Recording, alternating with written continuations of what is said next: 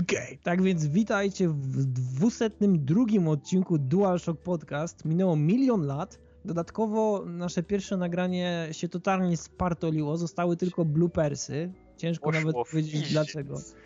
Poszło w piździec. E, tak czy inaczej, no zaczynamy, wracamy znowu po ogromnej przerwie, ale jak widać strona nadal tętni życie, tętni życiem, to może nie, ale jeszcze nie umarła, tak więc e, miejmy nadzieję, że wrócimy do bardziej regularnego nagrywania. Dzisiaj mamy poniedziałek 10 października 2016 roku, a witałem się z wami Odin, Kryspin i Łukasz. Okej. Okay. E, dzisiejsze tematy. E, zarzucimy na samym początku garścią newsów. Garścią to też może za dużo powiedziane, ale paroma newsami. E, później pogadamy chwilę o Mafii 3, o tym jak została przyjęta, jak aktualnie wygląda, no i co się o niej mówi. Później Kingsglaive Final Fantasy XV, czyli długa animacja i pierwsze wrażenia po pierwszym, że tak powiem, obejrzeniu, rzucie oka i tak dalej. Następnie powrócimy trochę do takich e, starszych gier, choć trochę dziwnie to wygląda, e, kiedy powiemy o Batman Arkham City, że jest grą starszą. Następnie Gears of War 4, czyli jak wygląda najnowsza mm, odsłona Gearsów, a ponoć wygląda całkiem dobrze. Na sam koniec Quantum Break oraz e, całkiem ciekawa, dość nowatorska produkcja Onward. Jak ją ocenimy i co o niej myślimy na samym końcu. Tak więc zapraszamy. Dobra, to zaczynamy. Czy ktoś chce tutaj rzucić jakieś newsy? A to warto wspomnieć o nowym NESie, którego premiera już w przyszłym miesiącu. Fani retro nie mogą się doczekać. Wszystkie zamówienia przedpremierowe już tam zostały złożone. Jeżeli ktoś zapomniał o, o, tym sprzęcie, warto się pośpieszyć, gdyż nakład jest ograniczony i może się okazać, że to ostatnia chwila, aby wrócić do czasów retro w oryginalnej, legalnej formie. Mm. Ogólnie też z takich newsów, nie wiem czy wiecie, e, jest taka e, dość popularna w pewnych kręgach gra, która się nazywa Star Citizen, która nie tak dawno miała taki konwent e, wokół, wokół no, premiery nowego statku zorganizowany, gdzie została udostępniona możliwość wykupu pewnego statku, który tak naprawdę jeszcze nie powstał, jeszcze go nie ma, ale można już go kupić. I za pomocą właśnie takiego zabiegu twórcy Star Citizena zarobili 1 milion 300 tysięcy dolarów w ciągu jednego wieczora. Tak więc... To jest ta gra, która jest całe życie w Early Access? Tak, to jest ta gra, która jest całe życie w becie. Do tej pory jeszcze nie wiadomo, jak nie będzie becie, wyglądać. Przed betą, przed alfą. Jest przed, ale, ale wiesz co, ja w nią grałem u swojego znajomego, który tak naprawdę skompletował komputer, telewizor, e, wszystko tylko i wyłącznie po to, żeby grać w tą grę. E, jest nawet opcja wychodzenia teraz z tego statku i spacerowania po planetach.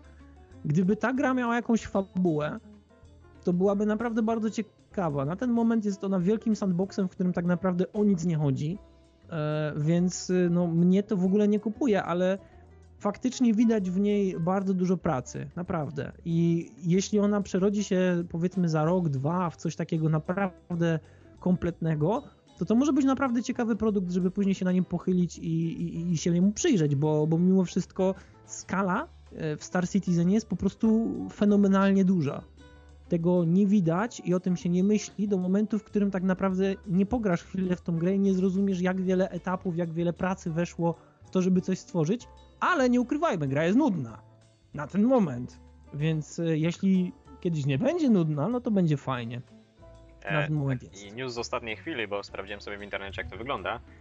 I dosłownie 11 godzin temu ukazała się dwugodzinna prezentacja e, z Star Citizen, że w sumie to jest właśnie z tego konwentu, o którym wspominałeś. Mhm. Więc, więc nie wiem, rzucam jako ciekawostkę. Aż, ja wiesz, ja mam znajomego po prostu w pracy, który po prostu żyje tą grą. E, dla niego wszystko związane ze Star Citizenem i każdym takim klonem FreeSpace'a jest e, FreeSpace dla słuchaczy, którzy nie wiedzą, to jest jeden z takich pierwszych, może nie pierwszych, ale jeden, jeden z takich dość znanych takich eksploracyjnych simów po kosmosie, gdzie latasz statkiem i handlujesz, atakujesz, przejmujesz i tak dalej, i tak dalej. No więc Star Citizen to jest właśnie gra, która no, garściami czerpie właśnie z tego nurtu. Więc jeśli nikt nie ma nic więcej do dodania, to możemy przejść do pierwszego tematu. I przechodzimy dość, że tak powiem, z przytupem, bo Mafia 3. Mafia 3 miała swoją premierę. Nie wiem, czy wszyscy tutaj się orientują, że Mafii 3 nie wolno było recenzować, nie wolno było o niej mówić i nie wolno było w ogóle o niej nawet rozmawiać. E, dlatego że wszyscy byli uciszani e, tekstami w stylu ale poczekajcie aż gra wyjdzie, dlatego że ona jest cały czas w fazie ulepszania. No i miała swoją premierę. E, dodatkowo przypomnę, ponownie, nie można było jej recenzować. Wszyscy ci, którzy dostali edycje przedpremierowe, recenzenckie i tak dalej, i tak dalej, nie mogli o niej nic powiedzieć. I znamy gry, które miały bardzo podobny system budowania budowania to może nie, ale e, podobny system tej, tej, tej promocji swojej e, to był na przykład Duke Nukem, ten najnowszy. E, który, który, też, który też miał, który tak, Forever, który też miał właśnie coś takiego, że no, nie można było, nie można było o, nich, o, o nim pisać w, w, w gazetach branżowych, po prostu było cichutko.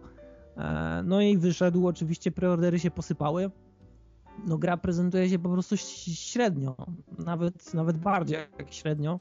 E, nie wiem, czy, czy mieliście okazję zobaczyć.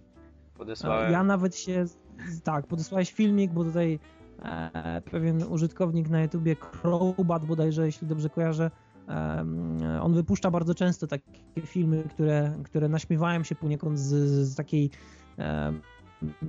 pyszości, takiego takiego, no po prostu tych niedoskonałości, które powstają nie tylko w grach też, bo on bardzo często też mm, dotyka, dotyka konwentów, jakichś spotkań, jakichś targów i też wytyka właśnie takie, takie głupie sytuacje.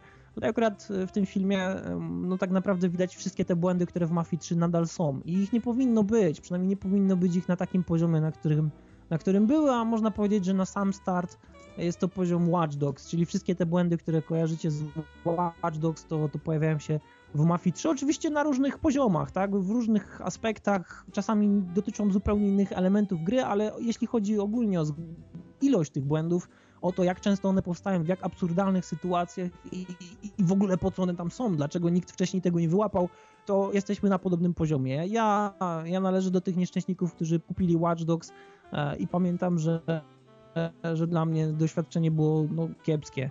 Mm, teraz już da się grać, no ale oczywiście minęło mnóstwo czasu. E, no i gra zdecydowanie nie była tym, e, czym, czym miała być podczas z tych wszystkich tych trailerów, jak była reklamowana, jak, jak budowało się wokół niej cały ten taki hype. E, teraz wychodzi druga część, to już tak naprawdę staram się podchodzić do tego jak do ognia, żeby się po prostu nie sparzyć. No na pewno gdybym kupił Mafię 3, to byłbym zawiedzony, ja mam nadzieję, że już wszyscy teraz obejrzeli ten, obejrzeli ten filmik, e, który, który wrzucił Crispin. E, e, no bo, no bo on tak naprawdę w pełni obrazuje to, co jest nie tak z mafią. Ja widziałem parę gameplay i ogólnie też słuchałem wielu recenzji. Tak jak mówię, chciałem kupić, bo mam jedynkę, mam dwójkę, wszystkie w tych takich bardziej dopasionych edycjach, z czego jedynka nawet w takiej edycji kartonowej, dwójkę już kupiłem ze wszystkimi dodatkami, z czego też jestem bardzo zadowolony, bo dwójka była naprawdę bardzo dobrą grą, mimo że można było w niej wiele rzeczy zepsuć i, i, i na pewno w wielu aspektach nie dorównywała jedynce, to dwójka nadal była fajna. Ona miała bardzo wiele elementów, które, które były ciekawe, końcówka gry była chujowa, ale tak naprawdę reszta była całkiem okej. Okay. I bardzo dobrze mi się w tę grę grało i naprawdę klimatem na pewno może nie była na tym samym poziomie, ale była bardzo blisko. E, w trójce, no ja tego kompletnie nie czuję. Te rozmowy są mm, czasami wyglądają w ten sposób, że mamy rzut izometryczny, który pokazuje nam dwie osoby, które rozmawiają między sobą i, i one tak rozmawiają przez dwie minuty, kamera nawet nie drgnie. E, gestykulacja jest ograniczona, mimika jest ograniczona. E, no jest bardzo, bardzo wiele takich rzeczy, które wpływają negatywnie na klimat. Poza tym w ogóle ulice są puste. E, wszystko jest takie jakby dziwnie, dziwnie wyblakłe, choć jest, z drugiej to strony... Jest chyba ten syndrom po prostu goniącego terminu, kiedy masz wypuszczoną grę i tak naprawdę mm. już od razu po samym gameplayu widać, że oj, chyba się nie wyrobili z, z, z projektowaniem, znaczy z, z, dodawaniem elementów. Tam miałeś takie sytuacje, że na przykład jedziesz sobie samochodem, jest, stoi sobie jakiś krzak, wjeżdżasz w niego i on jest fizycznym obiektem z betonu. No? Po prostu twój samochód się rozbija o ten krzak. I to, to nie jest jeden krzak, to jest na, na, przykład wszystkie krzaki w jakimś parku, czy jakieś drzewka w parku. Czy tak jak ta fizyka tych samochodów, właśnie typowe błędy z Watch Dogs, o których wspominałeś. To jest po prostu gra, która została wydana za szybko. I hmm. ni niestety ostatnio tak dużo gier tak jest projektowane. No wydaje się bety po prostu, moim zdaniem. Wydaje się bety. Tak, tak to i, wygląda. Ale ludzie się na to rzucają, bo preordery. Znaczy, Boże, hmm. ludzie się na to rzucają, zamawiają preordery i dlatego te...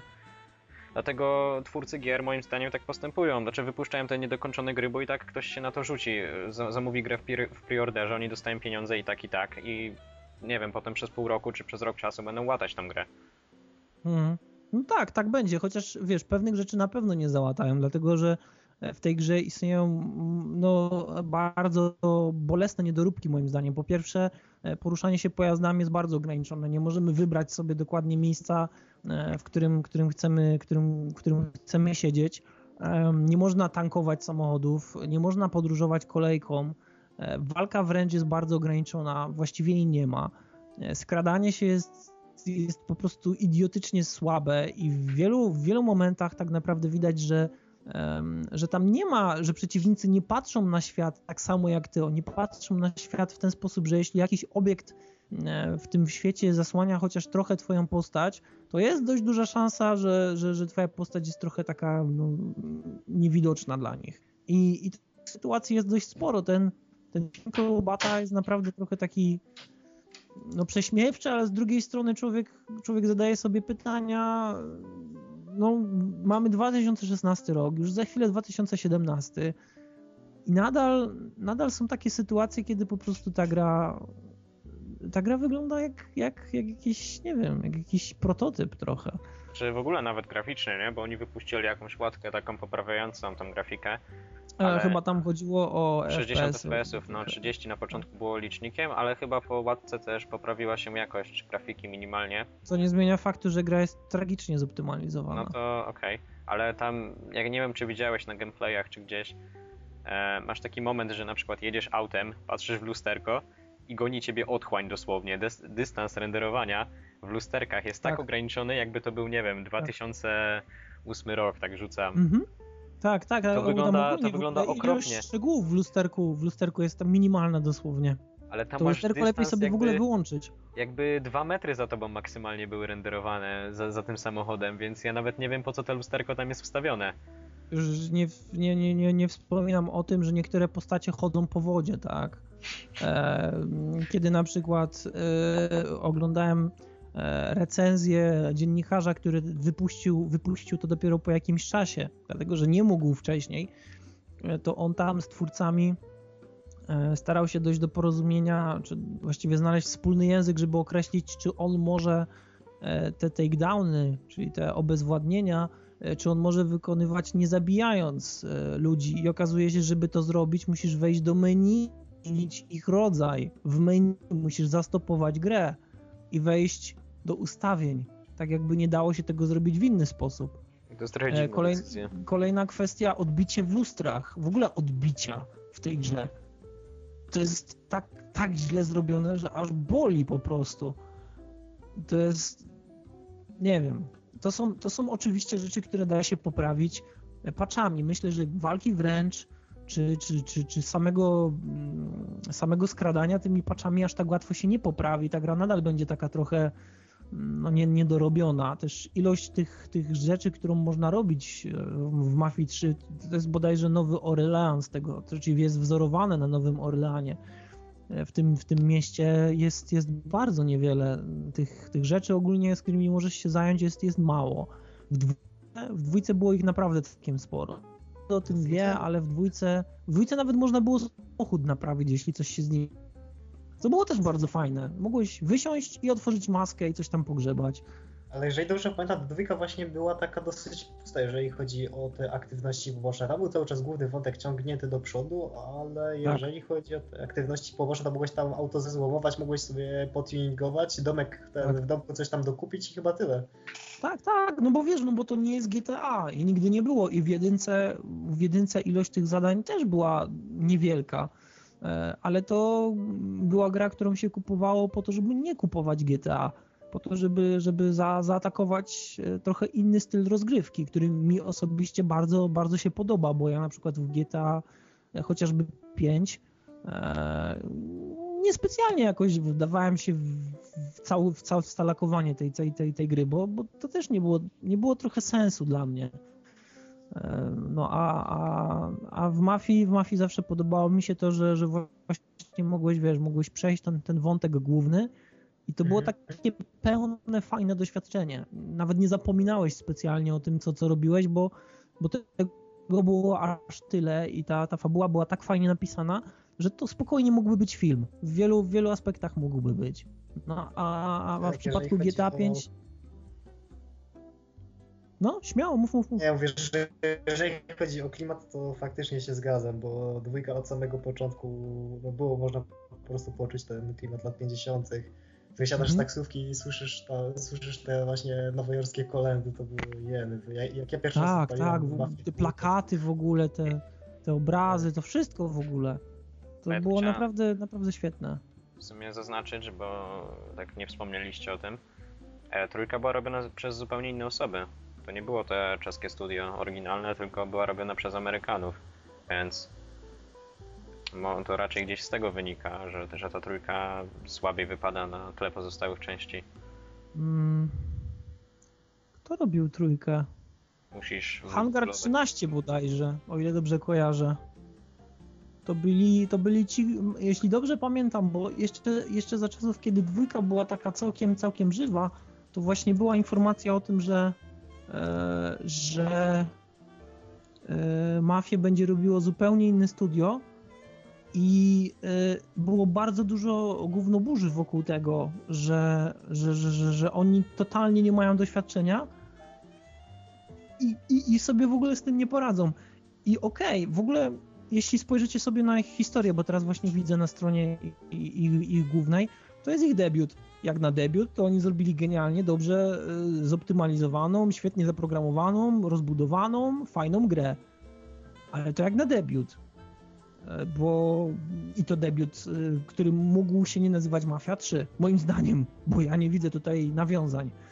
E, mógł się nie należeć. Oczywiście mamy tam jakieś nawiązania e, fabularne, do dwójki nawet, tam się pojawia główna postać z dwójki w paru filmach na samym początku, co jest też fajnym akcentem, ale, ale myślę, że no to jest też tak, z jednej strony port jest średni na PC-tach, z drugiej strony sama gra jest też średnia, no ale też jak patrząc z innej perspektywy, no to jak na, de, jak na, jak na debiut, to, to, to wcale nie jest takie tragiczne. Tyle tylko, czy oceniamy tę grę przez debiut, przez pryzmat debiutu, czy oceniamy ją przez to, e, jaką jest mafia.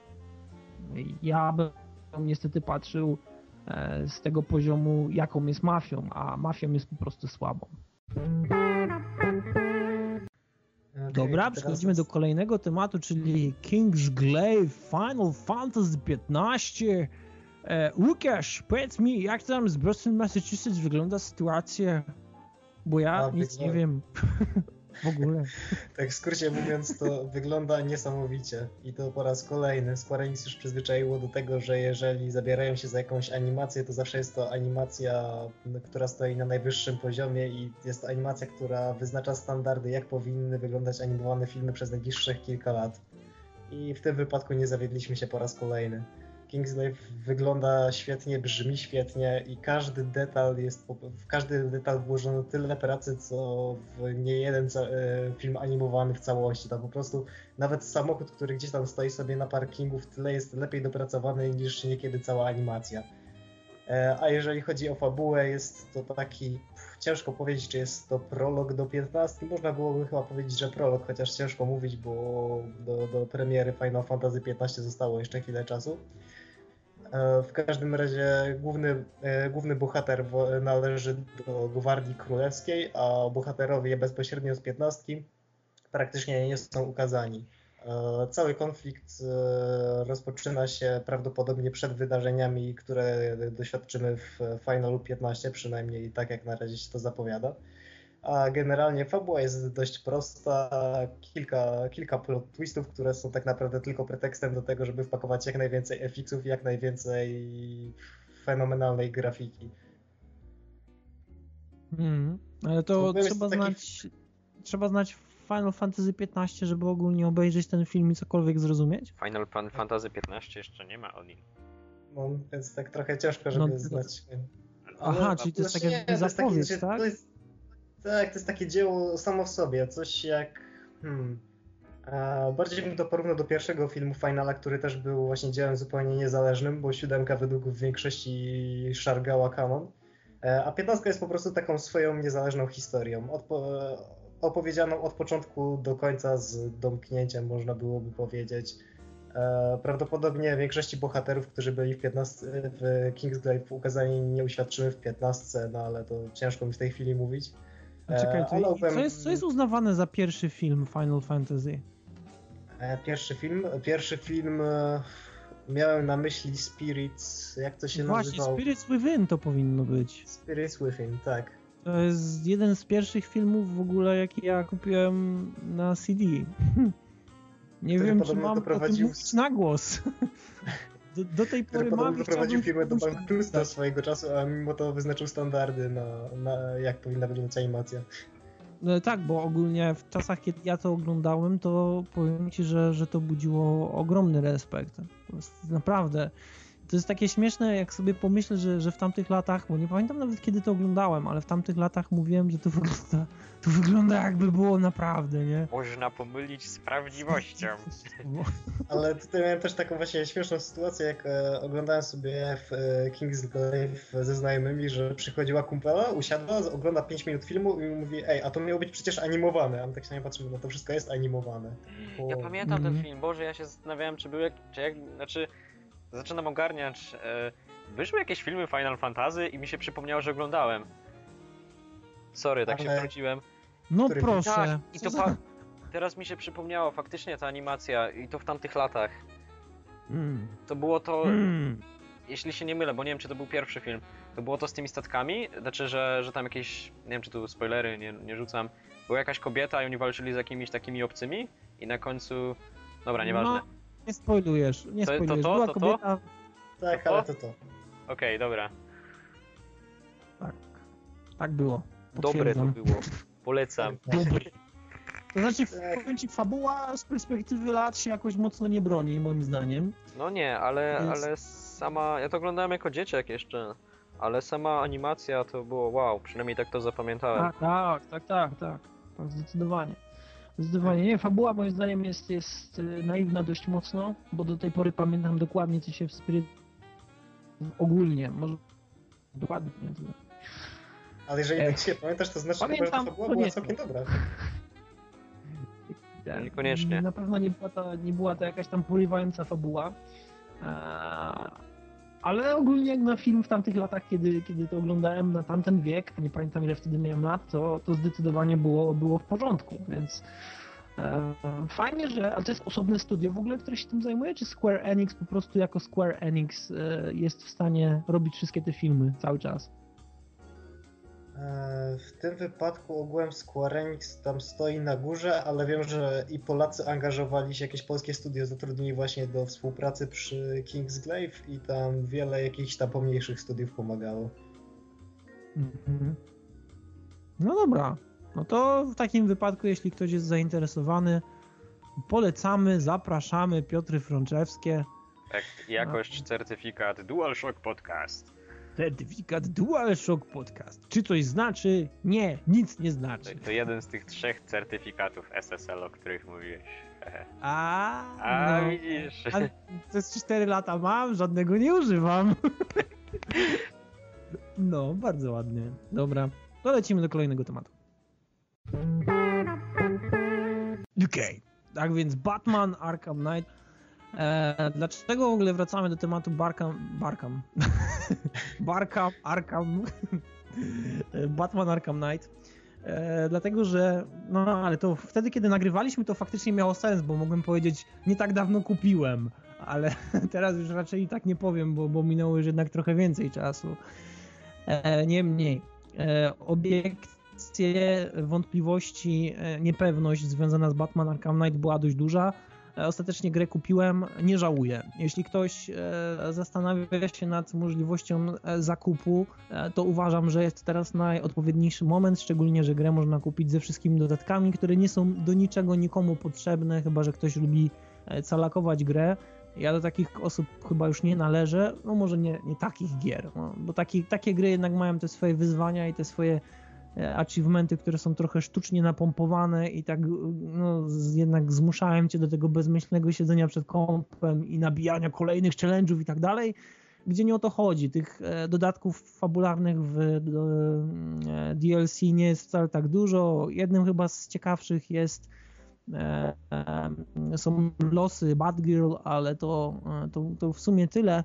Natomiast sama gra na pewno teraz już jest w pełni grywalna, jest naprawdę fajna. Jeśli chodzi o ilość tych rzeczy, które można robić w grze bez jakichkolwiek dodatków, też jest ich całkiem sporo. Jest to naprawdę mocna, skondensowana dawka Batmana, który teraz już jest zdecydowanie fabularnie ciekawszy niż poprzednie części chociaż na pewno ten, e, ten wow faktor z Arkham Asylum e, no nigdy nie zostanie zatarty. Jeśli ktoś kojarzy Arkham Asylum, to na pewno e, w Batman Arkham Knight tego na pewno oczyszczania tych, tych pomieszczeń jedno za drugim, za trzecim i tak dalej nie znajdzie, bo, bo Arkham Knight jest mimo wszystko trochę bardziej otwarty Batmanem. Po, połączeniem poniekąd Arkham City z Arkham Asylum, gdzie tego Arkham City jest trochę więcej. E, pojawia się oczywiście Batmobil, e, którego, że tak powiem, e, obecność w grze można przemilczeć, bo niby jest potrzebny, ale z drugiej strony im dalej w las, tym rzadziej się go używa i w sumie po jakimś czasie nawet nie ma sensu, bo szybowanie po mieście go tam jest ciekawsze. Tak więc no, można powiedzieć, że jego obecność nie jest ani jakimś dużym problemem, ani jakąś wielką zaletą. E, w kwestii samej walki, no to to jest to, do czego przyzwyczaił nas Arkham City, Arkham Asylum, do czego przyzwyczaił nas Rocksteady. E, tych taktyk teraz jest naprawdę bardzo dużo. Ogólnie polecam granie bez jakichkolwiek ulepszeń, tak jak ja, bo wyzwanie jest naprawdę ogromne. E, tak więc no, ze szczerego serca Grażyna Content polecam, zapraszam, przysyłam uśmieszki i życzę miłego dnia. Cieplutko. Pozdrawiam cię płytko. Nie, naprawdę, to jest dobra gra i na samym początku faktycznie było mnóstwo problemów i wszyscy o tym e, pamiętamy, jeśli ktoś e, w ogóle interesuje się Batmanem. No teraz już jest, teraz już jest lepiej. Tych, e, tych jakichś problemów tam z wydajnością, no ja nie uświadczyłem. Też nie jest to tak, że komputer nagrzewa mi się do jakichś niebotycznych temperatur. Tak więc jest to chyba dobrze zoptymalizowany tytuł. Um, może niekiedy pewne E, historie e, są trochę zmodyfikowane względem komiksu. To też trzeba jakby wziąć z pełną e, odpowiedzialnością, z jakimś tam dystansem, no bo jednak ta, znaczy ta, ta, ta historia, ta fabuła ulega pewnym zmianom. Rocksteady się trochę tym, tym, tym bawi, tak więc no niektóre wątki można powiedzieć, że powstają trochę znikąd, trochę nie pasują do tego, co ten, ta, ta historia ten kanon komiksowy nas przyzwyczaił, e, ale to nadal jest, jest fajny tytuł, w który można sobie pograć, tak więc, e, tak więc zachęcam, e, szczególnie, że, że można się w tą grę naprawdę wciągnąć. No i tym oto monologiem możemy przejść do kolejnego tematu, czyli Gears of War 4. Ja teraz powiem tak. Widziałem, podobnie jest dobrze optymalizowane, teraz wy. Dziękuję. No to Gearsy jak to Gearsy w zasadzie. Od, od pierwszej części nie zmieniają się prawie wcale, a za każdym razem jak wychodzą cieszą dokładnie tak samo. Czyli mamy dokładnie ten sam sprawdzony system chowania się za osłonami i dokładnie tych samych wrogów, co prawda obranych w nowe modele. E, dokładnie te same, tą samą broń, tego samego lancera z tą samą piłą mechaniczną, a mimo wszystko po raz kolejny daje to dosyć dużo zabawy. Strzelanie jest zrobione perfekcyjnie, jak w każdych Gearsach. Chowanie się za osłonami działa, sztuczna inteligencja daje radę. Więc ogółem nie, nie ma się do czego przyczepić, tylko pytanie, dlaczego właśnie to zebrało tak dobre opinie, mimo że po raz czwarty tak naprawdę dostajemy prawie że tą samą grę? A, niektórych... Dlatego, że jeśli jest podobna do swojej poprzedniej dobrej gry, to nadal jest dobrą grą i ludzie chcą w nią grać. Ej, ja tak ej, myślę, ej. Tak, takie jest moje zdanie.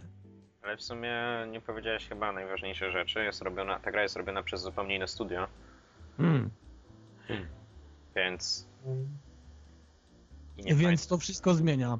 Wszystko zmienia kompletnie. To jest po prostu totalnie zupełnie inna gra. I jest inaczej ukierunkowana fabuła. Teraz już nie sterujemy Markusem Feniksem. E, myślę, Ale że będę dalej wyjawiał informacji, chociaż chyba to gdzieś w trailerach. Jest, jest. W trailerach jest, jest zawarte. Co, co, co? Jest w grze, ja jest. że Markus już się nie pojawia, a Markusa w sumie jest całkiem sporo. Markus, Markus jest, jest go całkiem sporo, ale już nim nie sterujemy. Mamy zupełnie nową ekipę, która ma trochę inny humor niż, niż w poprzednich częściach.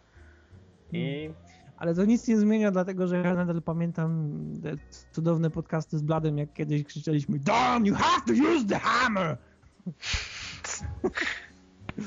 Nie no, ale jeżeli chodzi o właśnie o humor i o całą tą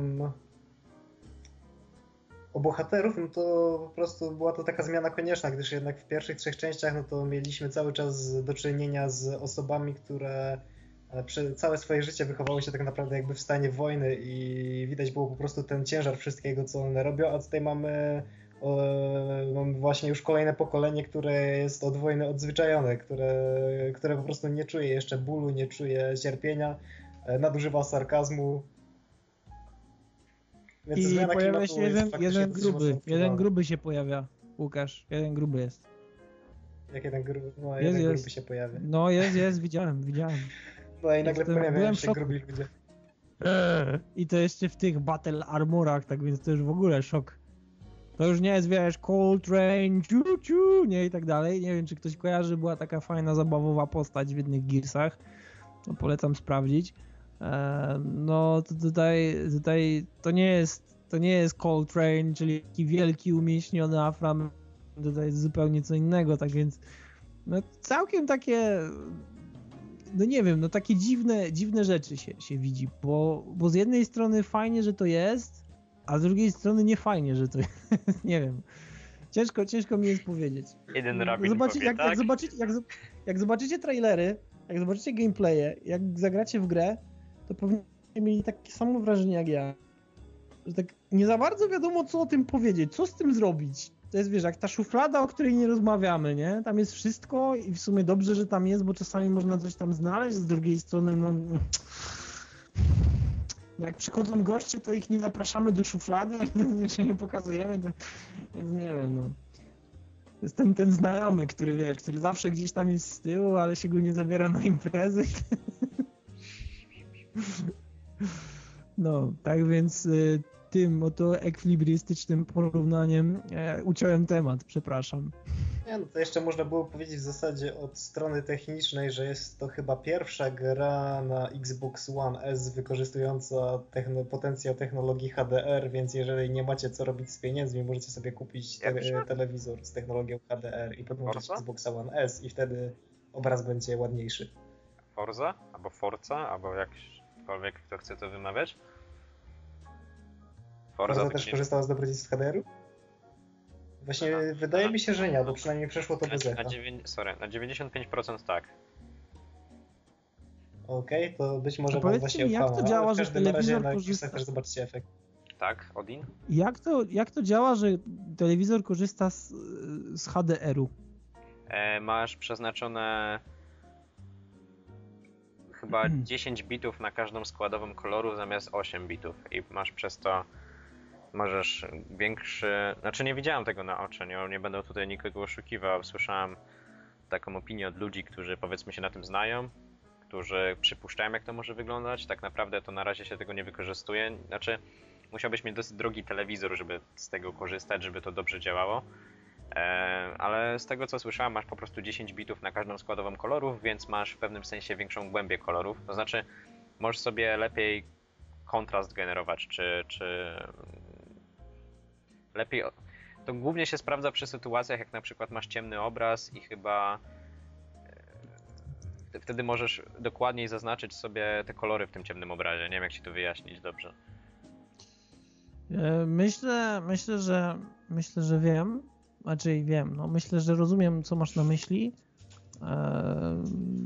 Natomiast nie do, znaczy może jeszcze z technicznego punktu widzenia nie do końca zrozumiałem mm, nie do końca zrozumiałem o co chodzi z, z HDR-em na, e, na telewizorze. Musisz mieć bo, specjalny telewizor po prostu. Znaczy ja, ja znam technologię HDR i, i wiem Ale... mniej więcej jak, jak jest programowo wykorzystywana w, wiesz, w, w grach komputerowych tylko rozumiem, że tutaj zupełnie osobną rolę, niezależnie od tego, co w ogóle podyktuje ci e,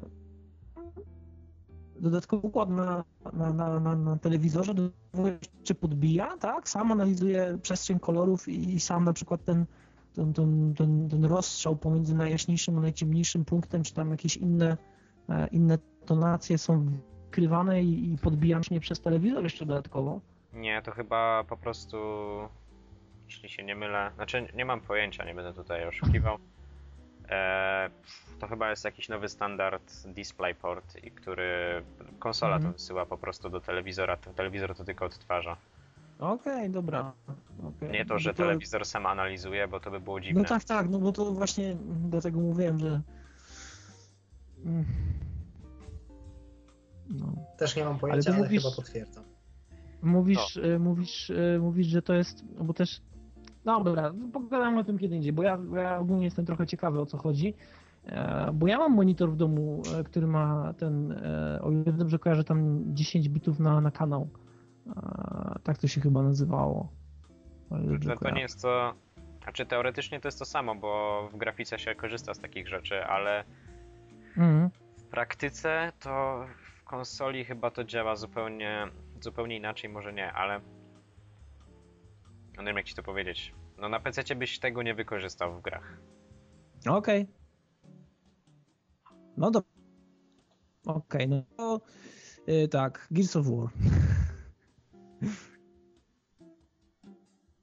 No nie, no nie rozgadujcie się. Dobra, no to w takim wypadku Gears of War jest tak dobry, że po prostu aż przemilczeliśmy ten temat. No aż po prostu nie wypadało powiedzieć czegoś więcej. Przerwało mi ciebie. Cokolwiek, cokolwiek byśmy powiedzieli, to by, to by nie wystarczyło.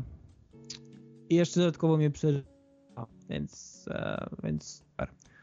Dobra, e, jeśli nie ma więcej, że tak powiem, pytali, to możemy przejść do kolejnego tematu, czyli Quantum Break. Bang. Tak, dlaczego o tym wspominamy?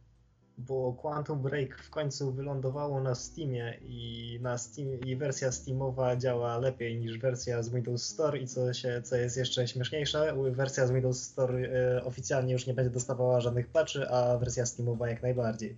Wait, jak to działa? E, jak, jak to działa?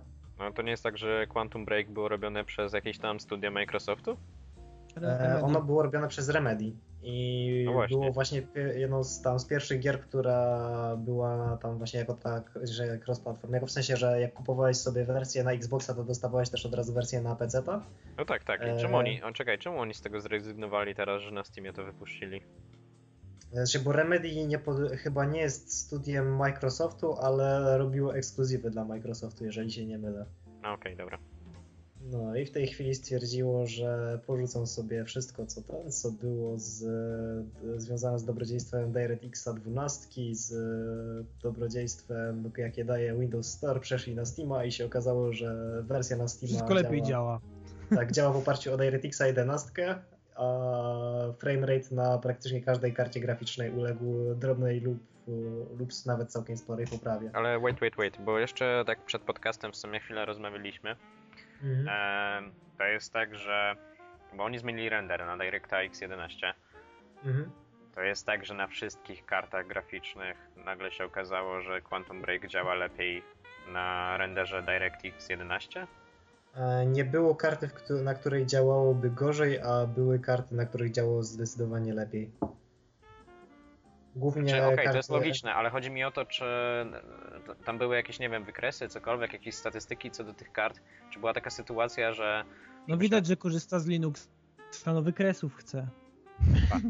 Nie, było to po prostu, czytałem porównanie od, tam na czterech czy pięciu kartach, jeżeli chodzi o frame rate, no i właśnie wychodziło na to, że tam seria 900 cała, e, na przykład GTX-a, to w, zanotowała wzrost frame rate'u nawet o, do 15 chyba klatek. No okej, okay, okej, okay, no to to rozumiem, no ale chodzi mi na przykład o serię 1000, bo ja wcześniej przed podcastem wspominałem o jednej takiej, e, moim zdaniem, istotnej rzeczy. E, mhm. Karty Directa, boże, karty GeForce te z serii 900 e, mają, obsługują Directa 12, co nie znaczy, że mają dla niego wsparcie. Co to znaczy? To bardzo ciekawe, co powiedziałeś teraz. To znaczy tyle, że karty są w stanie uruchomić gry na tym Directie 12, ale ten Direct 12 niezbyt dobrze na nich działa i dopiero karty od serii 1000 bardzo dobrze, znaczy bardzo dobrze, lepiej sobie radzą z Directem e, z Directem 12. Więc jestem ciekawy, jak wygląda sprawa z kartami z serii 1000. Czy, czy coś wiesz na ten temat? Szczerze mówiąc, czy coś wiesz na ten temat? Nie wiem w tej chwili nic, ale być może za chwilę się dowiem. Tak samo podejrzewam, że te najnowsze AMD będą, znaczy mogłyby lepiej sobie radzić na tym Directie 12, chyba że gra, nie wiem, źle wspierała tego Directa, albo coś się wiązało tam z tym Directem, to, to nie wiem. Dobra, Właśnie ogółem e, pracownicy Remedy wypowiadali się w taki sposób, że całe, że, że już tam po prostu z DirectX 11 mają dosyć dużo wprawy, no i już kilka dobrych lat przy niej spędzili, a DirectX 12 był dla nich świeżą technologią, więc mimo wszystko jeszcze, by, jeszcze minie trochę czasu zanim się z nią oswoją. Znaczy, no, no to... i to jest odpowiedzialna decyzja moim zdaniem. No w zasadzie tak. Prawdę mówiąc DirectX 1, Boże, 12 e tam w zasadzie jesteś bliżej sprzętu, więc musisz trochę bardziej panować nad tym, co robisz, żeby to dobrze działało. Jak. Wy wiecie w ogóle coś na temat Quantum Break? A tak, a tak, e, Quantum Break, no tylko to już jest temat, co by nie było dosyć stary. A właśnie znalazłem ten, znalazłem odnośnie tylko tych te kart graficznych, że na przykład na 1060 to na DirectX 11 wyciąga 47,5 klatek na, e, pół klatki na sekundę średnio, na 12 39,5. Więc masz różnicę to, 7, okay. 6, 7, 8 lat. Na Radeonach nowych? A na Radeonach masz dokładnie taki sam wynik. RX 480. Okej, okay, to, to spoko. No. A jeżeli chodzi o samo Quantum Break, no to była to nietypowa produkcja, która, w której prawie że połowa gry była tak naprawdę serialem. serialem czy zabieg udany, czy nie, no to już w zależności od tego, kto co lubi, ale zdecydowanie większość opinii była pozytywna na ten temat, gdyż mimo wszystko jest to coś relatywnie nowego w branży gier. E, a historia od Remedy nigdy nie pozostawia wiele do życzenia, jest kompletna, dobrze opowiedziana, e, postacie są wyraziste, e, gameplay, do gameplayu można było się co prawda czepiać, gdyż był strasznie prosty, było to, była tak naprawdę strzelanka z supermocami, tak. Ale tak naprawdę w grach od Remedy zawsze liczyła się fabuła i po raz kolejny Remedy dowiodło, że potrafi pisać naprawdę świetne scenariusze. Zgadzam się. Certyfikat DualShock Podcast. po raz kolejny. To już no. jeszcze jeden został.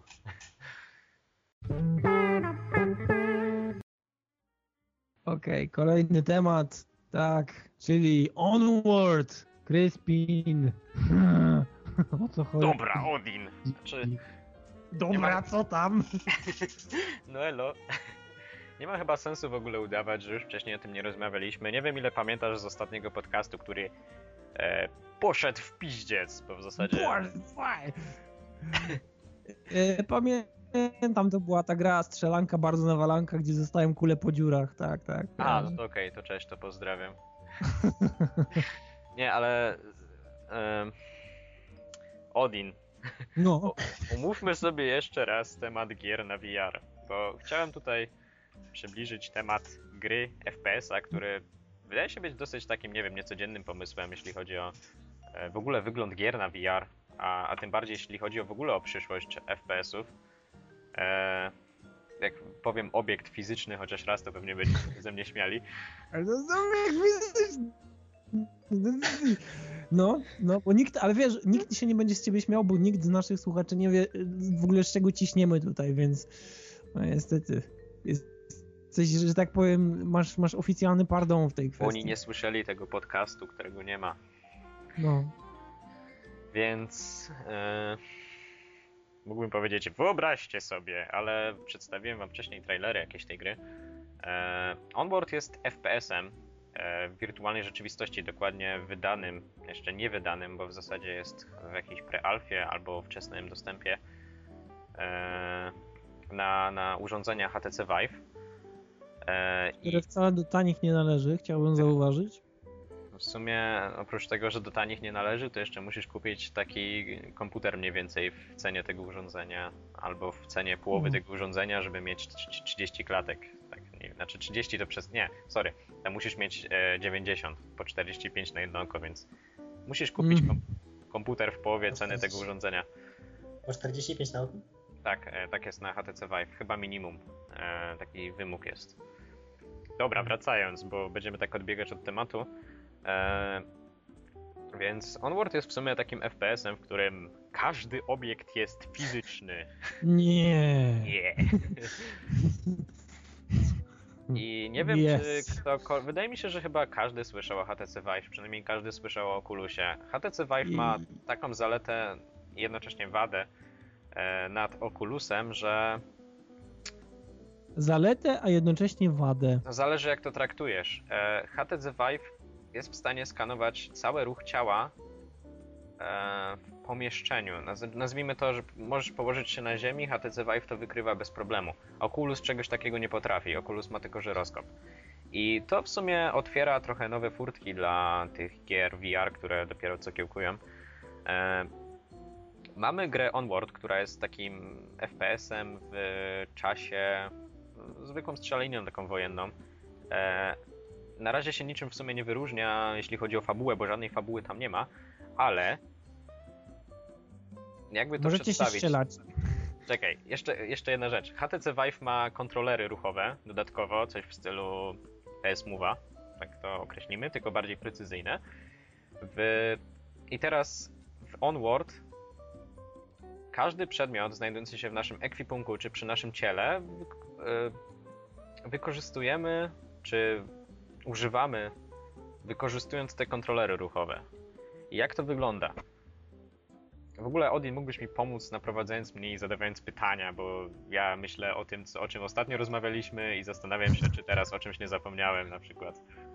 A czy każdy przedmiot w ekwipunku jest obiektem jak fizycznym? Jak to jest, że każdy obiekt jest fizyczny? Uje. No kurwa, dzięki. No dobra, więc tak, w sumie przejdę chyba od razu do gameplayu, bo nie wiem, co tam jest więcej do mówienia. E, jeżeli mamy te kontrolery ruchowe i mamy po jednym w każdej ręce, jeżeli ruszamy rękoma w jakikolwiek sposób, to wszystko jest przekładane na ruch 1 do 1 w grze. Znaczy powiedzmy 1 do 1, mhm. bo dłonie się nie liczą, znaczy palce. Dłonie działają, palce nie działają. E... Dłonie się nie liczą. Ach, ta loża szyderców. Te dłonie się nie liczą, proszę pana. I każdy przedmiot, na przykład w tym ekwipunku, o którym wcześniej wspominałem, czy chcemy wyciągnąć mapę, tablet, czy cokolwiek tam jest, żeby sprawdzić cele w misji, musimy sięgnąć tym kontrolerem ruchowym za plecy, wciągnąć go przed siebie, spojrzeć na tę mapę, ewentualnie drugim kontrolerem, czyli drugą ręką oznaczyć coś na tej mapie, tam sprawdzić cele, cokolwiek, wyklikać interfejs po prostu na tym tablecie i żeby go odłożyć, musimy go położyć za siebie. I w tej grze wykonane jest wszystko ten sposób, od właśnie wyciągnięcia noża, wyciągnięcia tego tabletu, postrzelanie. Dosłownie, jeśli chcemy do, do, jakiegoś przeciwnika strzelić, musimy przyłożyć kontroler do oka, do, do HTC Vive'a i celować przez lunetę. I teraz e, z takich gameplayowych rzeczy, bo wszystko tam w zasadzie jest fizyczne, możemy sobie przyłożyć broń do głowy i strzelić. Widziałem sytuację na gameplayach, gdzie ktoś wyciągając nóż, niechcąco siebie dźgnął w brzuch i umarł nie żyje, bo umarł. Śmierdzam, stwierdzam z, zgon nie, nie żyje, bo sieć gno. Tak.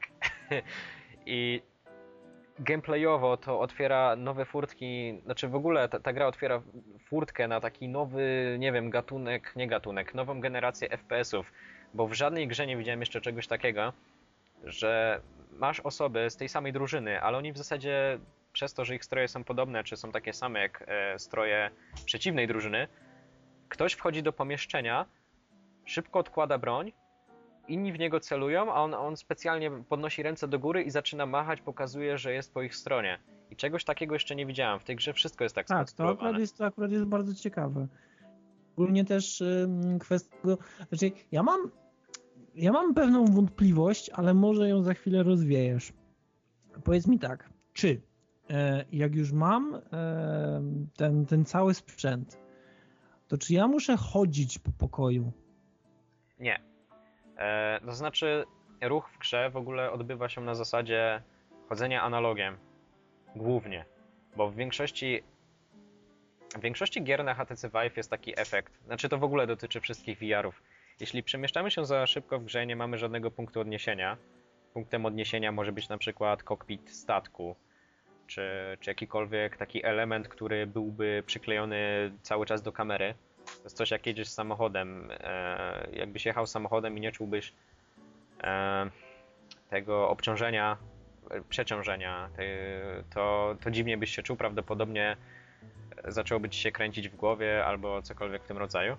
E, w HTC Vive w większości tych grach jest taki efekt, że jak się za szybko poruszasz właśnie, to robi ci się niedobrze, więc w większości gier jest, ruch jest zorganizowany na zasadzie teleportacji. Tutaj jednak jest inaczej, tutaj poruszasz się e, analogami, ale przez to, że twoja postać w zasadzie, możesz to sobie tak wytłumaczyć, jest obciążona, tymi mhm. analogami poruszasz się dosyć powoli. I nie masz tego efektu nudności, więc jesteś w stanie chodzić analogami. E, ale oprócz tego ogólnie możesz poruszać się minimalnie po pomieszczeniu, w którym się znajdujesz rzeczywiście. E, I to dodatkowo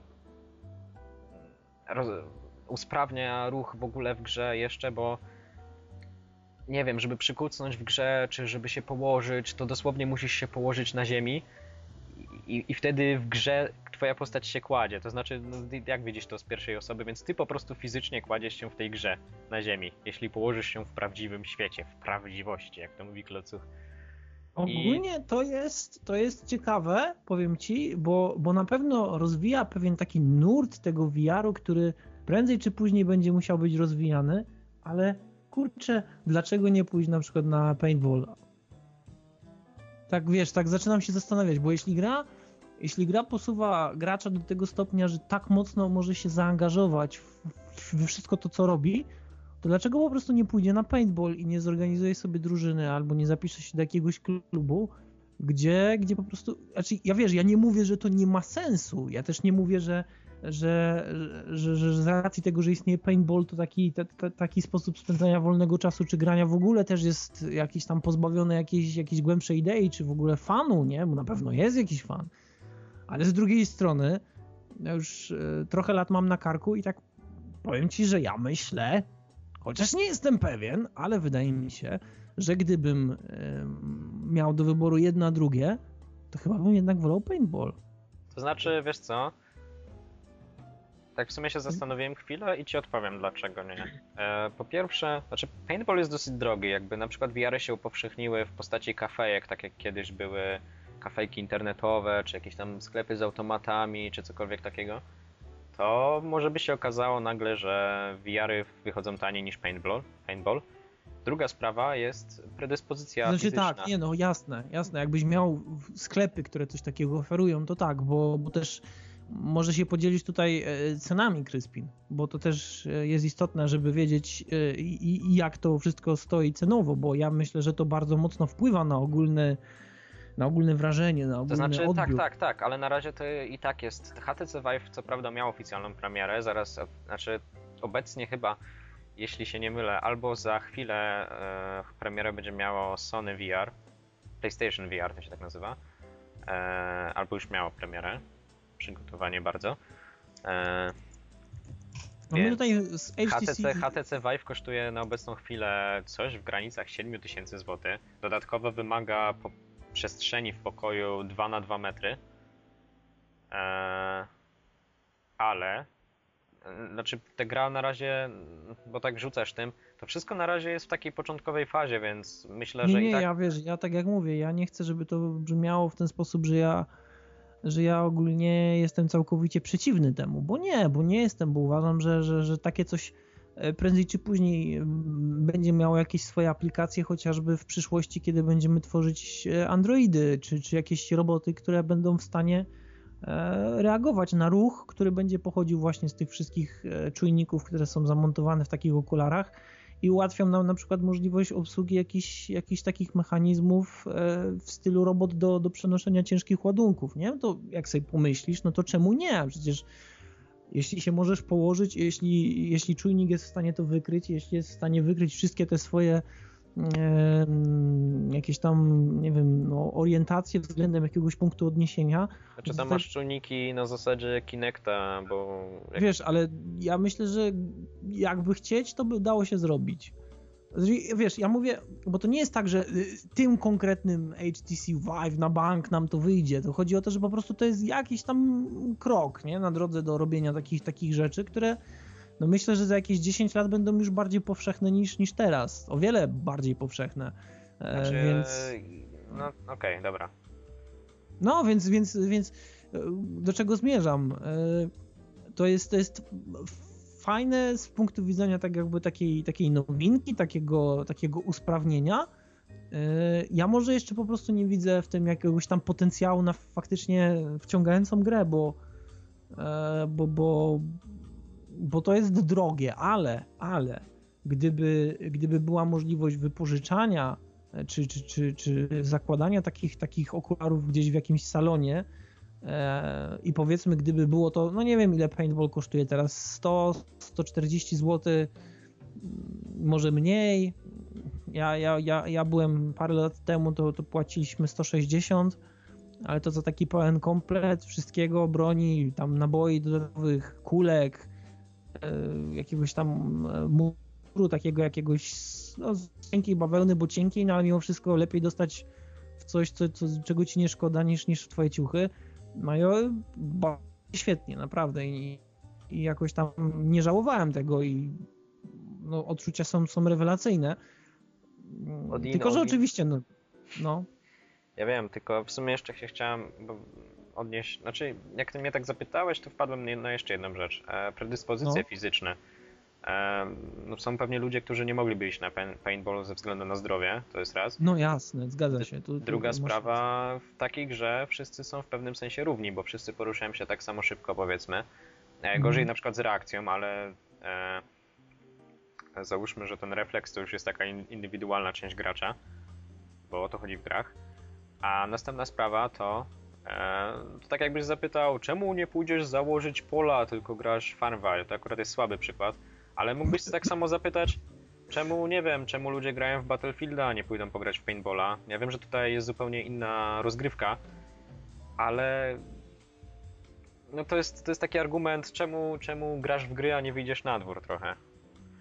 Znaczy, no nie chciałem, żeby to był taki argument. Że wiem, Bardziej że tutaj patrzę, wiesz, na, na te 7 tysięcy, które musisz wydać, jedną grę, która na ten moment e, prezentuje sobą e, coś, coś ciekawego, no i, i, i, fakt tego, że inni też muszą wydać 7 tysięcy, żeby grać w grę, która na ten moment prezentuje się no, jeszcze w fazie powiedzmy tam jak mówiłeś pre, pre-alpha, czy kurde już nie wiem, no pre w ogóle cokolwiek. Znaczy early access to jest po prostu. E, no, czy early access, a, a mamy możliwość też tylko, że no fakt, no trzeba zgrać się ze znajomymi, trzeba, nie wiem, przejechać powiedzmy jakiś tam kawał, żeby się zobaczyć, no i wtedy można postrzelać, no i to też ale no, też jest jeszcze jasne, jedna... to ma swoje aplikacje, jasne, no, no. Bo tak w zasadzie to też czemu o tym wspominam. E, w sumie głównie dlatego, bo ostatnio zastanawia mnie w zasadzie rozwój FPS-ów. E, są te wszystkie Battlefieldy i tak dalej, one z roku na rok tam mm, w sumie dużo się nie zmieniają, praktycznie wcale. Głównie oprawa audiowizualna się zmienia, znaczy wizualna głównie. E, a tutaj, tutaj zasadzie, mimo że grafika jest brzydka, bo to są takie, nie wiem, 2005 rok może, może 2006, nie wiem, chociaż mi się wydaje, że nawet wcześniej. E, ta, to, co wprowadza ten HTC Vive z tą grą, a w zasadzie ta gra mm. za pomocą HTC Vive'a, ja nie widziałem imersji, e, takiej imersji w żadnej grze, która by wyszła w ogóle ostatnio, przez ostatnie kilka lat. Więc nie wiem, dlatego, dlatego stwierdziłem, że zaproponuję ten temat. nie, jasne, ja wiesz, Ja, a, jestem, a, ja jestem takiego wiesz, zdania, że to może działać. Ogólnie na razie gra się cieszy na tyle dużą e, popularnością, że jesteś w stanie znaleźć praktycznie zawsze kogoś do pogrania. Co na przykład, nie wiem, nie zdarza się w niektórych dużych grach, a, a wydanych na PC normalnie, często, znaczy często, może nie często, ale co ostatnio wyszło? Resident Evil chyba jakiś nowy. I tam już niestety nie znajdziesz chyba nikogo do multiplayera. Bardzo Więc... możliwe. A, a tutaj, tutaj, tutaj, wiesz, cały czas jesteś w stanie znaleźć graczy. A następna sprawa, że wiadomo, że te VR-y będą się rozwijać i może będą coraz tańsze. Póki co ten Sony VR, mimo że jest taka przepaść cenowa, że ten HTC Vive technologicznie jest bardziej zaawansowany, zawsze mówię Sony VR, to jest PlayStation VR, to te PlayStation VR e, załóżmy, że jest, znaczy jest wykonany z tańszych komponentów, ale mimo wszystko e, problemy takie techniczne typu widok siatki, widok przestrzeni między pikselami, inne, inne tego typu problemy techniczne są dostępne na obu urządzeniach. E, więc może coś takiego się upowszechni na dużo tańszy PlayStation VR. Może się okaże nagle, że komuś się udało podłączyć PlayStation VR do PC-a i pisać na to grę. Może, może ktoś na coś innego wpadnie. Ja myślę w ogóle, że warto, nie wiem, poczekać rok, dwa lata. E, prawdopodobnie te wszystkie VR-y, znaczy nieprawdopodobnie, tylko na pewno, jeżeli w ogóle się przyjmą, jeżeli ktoś będzie je kupował, a dzięki Sony wydaje mi się, że ktoś będzie je kupował jednak, E, to dzięki temu będą wychodzić nowe generacje urządzeń wirtualnej rzeczywistości. Będą coraz tańsze i może każdy z nas będzie miał dostęp do tego typu gier, typu Onward i tak dalej. Może Call of Duty nawet. Call of Duty to jest raczej słaby przykład, ale może, może Call of Duty tak będzie wyglądać w przyszłości, jeżeli upowszechnią się to może, może tak być, może tak być. No, na, pewno, na pewno perspektywa tego, że, że możesz grać e, w taki sposób, o, jest ciekawa e, i, i na pewno znajdzie swoich e, zwolenników. I ja myślę, że ja bym, ja bym.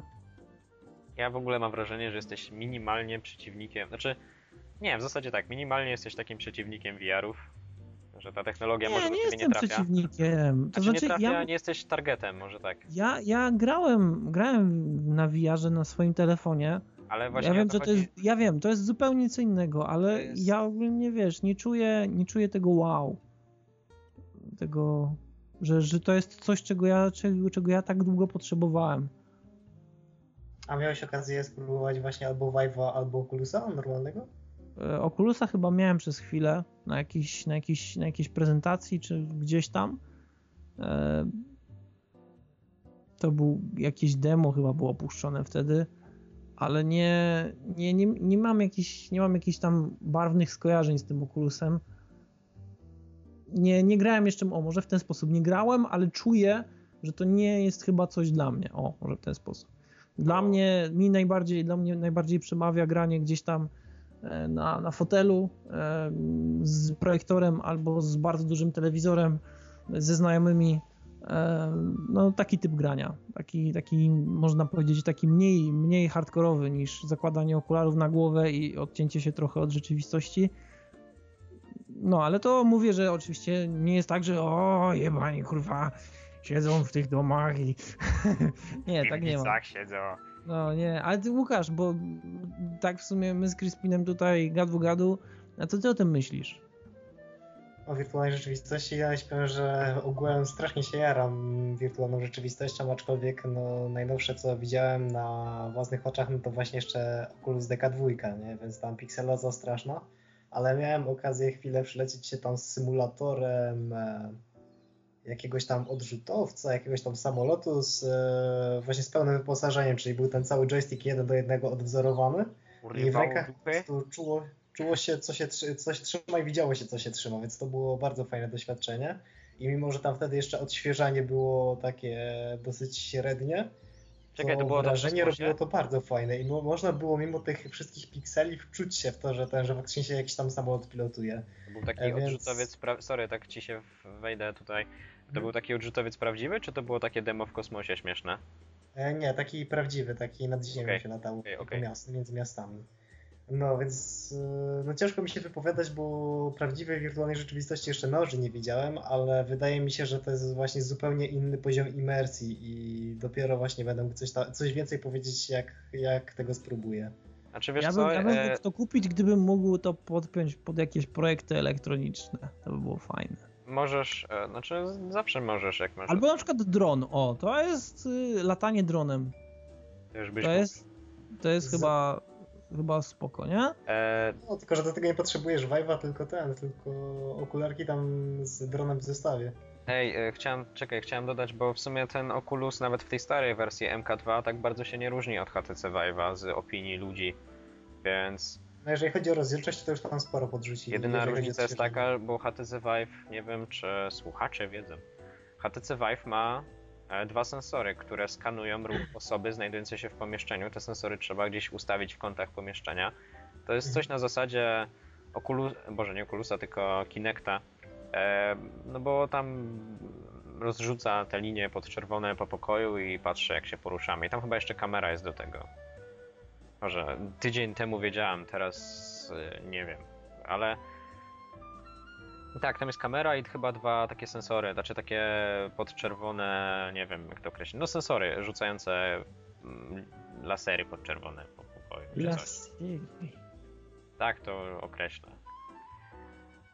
Eee, I no więc tam tylko ruch ci trochę lepiej skanuje. Też masz dodatkowo kontrolery ruchowe. Wiadomo, z kontrolerami ruchowymi, jak masz dobrze napisaną grę, to się fajnie gra, ale aż tutaj w zasadzie ta imersja na przykład w tym Onward wynika głównie z tego, że oni to połączyli razem, nie? Mhm. I to chciałem dodać. Nie, no, będziesz... tak, tak porównując właśnie jeszcze Oculusa do, i to jeszcze DK2 do Vive'a takiego jak jest, to w zasadzie masz tak, na Oculusie ten DK2 masz o wiele niższą rozdzielczość, o wiele niższe odświeżanie, więc o wiele niższe aż takiej, aż takiej różnicy to nie robi, to znaczy odświeżanie ekranu robi największą różnicę tak naprawdę, ale mhm. rozdzielczość mm, rozdzielczość aż takiej dużej, znaczy w pewnym tak, momencie rozdzielczość... To jest śmieszna sprawa o tyle, że na przykład ten e, PlayStation VR ma chyba tam 900p rozdziel... Nie, nie pamiętam jaką ma rozdzielczość tam dokładnie, ale w każdym razie wiem, że jest niższa niż w Oculusie i w HTC Vive, a podobno z tego co czytałem to nie odczuwa się praktycznie No tego. tak, bo chciałem właśnie powiedzieć, że w pewnym momencie rozdzielczość nie, nie ma znaczenia. To znaczy ma znaczenie, ale nie odgrywa już tak ważnej roli bo i tak te problemy techniczne typu widoczność przestrzeni między pikselami, czy widoczność pojedynczych pikseli, subpikseli, to niestety zostanie, dopóki nie wymyślą czegoś. No nic z tym nie zrobisz niestety. Nieważne jaką byś tam miał rozdzielczość, chyba żebyś miał jakoś 4K na każde oko, to może byś wtedy nie, nie widział różnicy. Ale, e, ale przy Full HD na jedno oko niestety dalej widać tą siatkę pikseli. I, I, to właśnie się nie różni aż tak bardzo od tego 900p, czy podejrzewam nawet 720p. Mm, znaczy, no różni się, ale no. Aż tak dużo nie zmienia. Mhm. No ale na przykład właśnie sama ta kontrola ruchowa w pełni z obsługą rąk, z tym, że jeżeli się tam faktycznie troszkę na prawo krok zrobisz, to w grze też robisz krok, to jednak wydaje mi się, że to zmienia całkiem sporo, jeżeli chodzi o imersję. To akurat prawda. A to mówię, to jest połączenie tego. Oni to wykorzystali. E, nie w każdej grze na Oculusa na przykład będziesz coś takiego miał i chyba nie w każdej grze na HTC Vive będziesz coś takiego miał. No to tak, to wiadomo, wiadomo. Nie, w każdym razie wydaje mi się, że to jest dopiero właśnie początek wirtualnej rzeczywistości, a... A, a czekaj, czekaj, przypomniałem mi się, co chciałem dodać, bo e, moim zdaniem, taką opinię w ogóle moją na temat VR-ów, to będzie coś w rodzaju osobnego medium. Będą gry na PC, załóżmy, znaczy gry w ogóle jako gry, że siedzisz przed monitorem, grasz, masz kontroler i będą gry e, gry VR jako osobne medium, gdzie będziesz tam zatracał się w, e, nazwijmy to tak, tej wirtualnej rzeczywistości. Tak samo, nie wiem, jak kiedyś wchodziły filmy, potem, znaczy filmy nieme na początku, potem filmy z głosem, potem filmy kolorowe, E, a przed tym na przykład nie było filmów, tylko były teatry, to jest w pewnym dziwne porównanie. To jest w pewnym sensie nowy, nowy rodzaj medium, nowy rodzaj medium do, do nowy rodzaj medium dla rozrywki. To nie będzie tak, że VR wyprze PC-ty, znaczy w ogóle granie na, na konsolach czy PC-tach, to po prostu będzie równolegle szło, jeśli się okaże, że VR-y mogą przynosić zyski. Mhm. A VR-y na telefonach są strasznie biedne, nie polecam nikomu. Zgodzę się. VR na telefonach to jest zawsze pierwsze wrażenie jest bardzo fajne mi się Znaczy wydaje, w ogóle na, na wszystkich e, strasznie się rozgadujemy. Na wy, wy, wy, wy, wy, wy, wy, do pracy, ja nie. Do pracy jutro. E, no, trzeba wstawać, panowie, kończmy. Panowie, kurwa. E, e, w ogóle VR, VR robi takie wrażenie, że przez pierwsze 10 minut jest super, a potem się tak do tego przyzwyczajasz, że nie wiem, już nawet ci błędnik nie szaleje i w ogóle nie masz już nie Nawet masz. Nic, już po prostu do codzienności. Nie, nie czujesz tego, tracisz, tracisz całą tą imersję. Znaczy, tego się też nie da wyeliminować w sumie, ale jak nie wiem, czy jechałeś e, w tych jednych z pierwszych dem tej kolejki na Oculusa. Mm, no, była taka, takie demo kolejki, tam nic się nie działo, po prostu jechałeś i ty siedziałeś w wagoniku.